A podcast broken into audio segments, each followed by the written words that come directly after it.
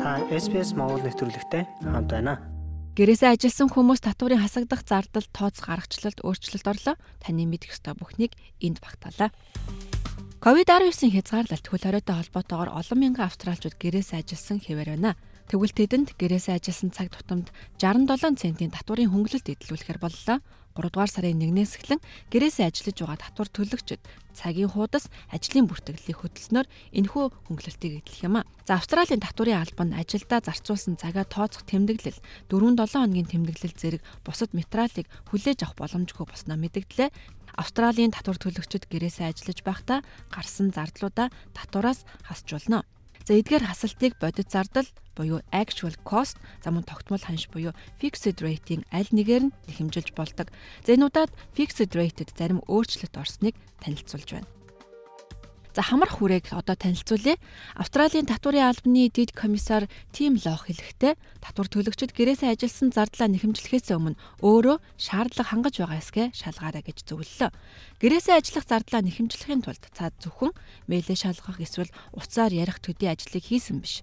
За хөдөлмөрийн гэрээгээр хүлээс үүргээ биелүүлэх хэмжээний ажлыг гэрээсээ хийсэн байх ёстой юм байна. Түүнчлэн гэрээсээ ажилласан нь танд нэмэлт зардал болсон байх ёстой. За тэгвэл юуг нэмэлт зардал гэж үзэх талаар одоо тайлбарлая. Нэмэлт зардал гэдэгт халаалт, хөргөлт, гэрэлтүүлгийн цахилгаан, газ, гэрийн болон гар утасны интернет, дата зардал, гар утасны болон гэрийн утасны зардал, бичиг хэргийн зардал зэрэг багтах юм байна.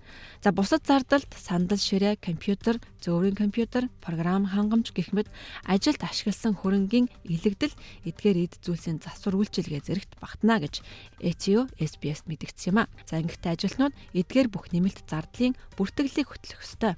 Тэгвэл хасагдах зардал тооцогдгүй зүрэлт кофе, цай, гэр ахуйн нийтлэг хэрэгсэл, iPad, ширээ, онлайн сургалт зэрэг хүүхдийнхээ боловсралтай холбоотой зардлуудыг за мөн ажил олгогчдын өгсөн эд зүйлсийг оруулан тооцож болохгүй. За тэгвэл ямар өөрчлөлт орсон бэ?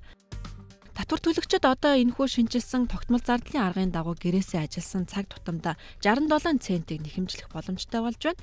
Өмнө нь 52 цент байсан юм а. Шинээр тогтоосон тариф нь цахилгаан хий утасны хэрэглээ, интернет бичгийн хэрэгсэл, компьютерийн хэрэглээний зардал зэрэг нэмэлт зардлыг багтаасан гэж тайлбарлаж байна. За харин технологийн эд зүйлс албан тасалгааны тавилга зэрэг татвар төлөгчдөд илүү их зардал авчирдаг зүйлс нь энэхүү шинжилсэн хувь хэмжээнд оруулаагүй тул тусад нь нэхэмжлэх шаардлагатай гэж нэмж хэллээ. За энэхүү шинжилсэн өөрчлөлтүүд нь 2022 оны 7 дугаар сарын 1-ээс хэрэгжиж эхлэх бөгөөд татвар төлөгчид дараагийн буюу 2022-оос 23 оны татварын тайлан гамь мэдүүлэхдээ энэ аргыг ашиглах боломжтой. Гэрээсээ ажиллаж байгаа хүмүүсийн өөртөө цагийн бүртэл хөтлөх хэрэгтэй гэж дээр ярьсан. За тэгвэл энэ бүртгэлийг хэрхэн хийх талаар ярилцъя. Австралийн татварын алба нь 2023 оны 3 дугаар сарын 1-ээс эхлэн шинжилсэн тогтмол зардлын аргын дагуу тооцоололж за 4-7 хоногийн ажилчдын тэмдэглэл буюу ажлын цагаа тооцоолох эсвэл ижил төстэй баримт бичгүүдийг хүлээж авахгүй гэдгээ мэдэгдсэн. За ажилтнууд өөрийн ажилласан цагаа тэмдэглэл хийж хөтлөх ёстой. Энэ нь бүтэн жилийн туршид ажил олгогч эсвэл бизнес системээс ирсэн ажлын хуваарийн дагуу цаг хуваараа бүртгэх ёстой юм байна. За харин энэ жил бүртгэл хөтлөөгүй гэрээсээ ажиллаж байгаа татвар төлөгчдийн хувьд за шилжилтийн зохицуултыг хийсэн байна. Ингээд 22 оны 7 дугаар сарын 1-ээс 23 оны 2 дугаар сарын 28-ны хооронд гэрээсээ ажилласан нийт цагийн бүртгэлийг хүлээж авах боломжтой. За ингэхдээ дээр хэлсэн 4-7 хоногийн тэмдэглэлэгч авахар болжээ. За энэ бол fixed rate-д орсон өөрчлөлт. Харин actual cost-ийн аргад ямар нэгэн өөрчлөлт ороогүй гэж ATO мэдэгдлээ. За та бүртгэл хөтлөختөө гэрээсээ ажиллахтаа гаргасан бүх зардлаа нотлох баримтуудын хамт оруулах ёстой.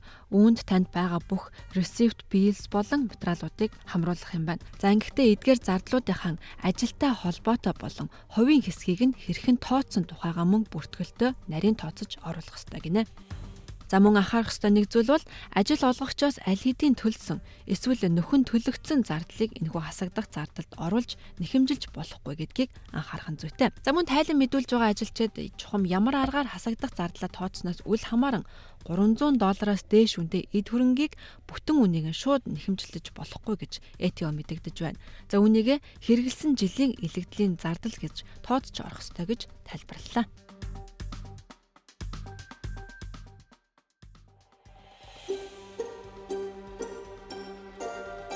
SBS Монгол нэвтрүүлэг таны гар утас болон цахим хуудасд нийлдэхтэй байна.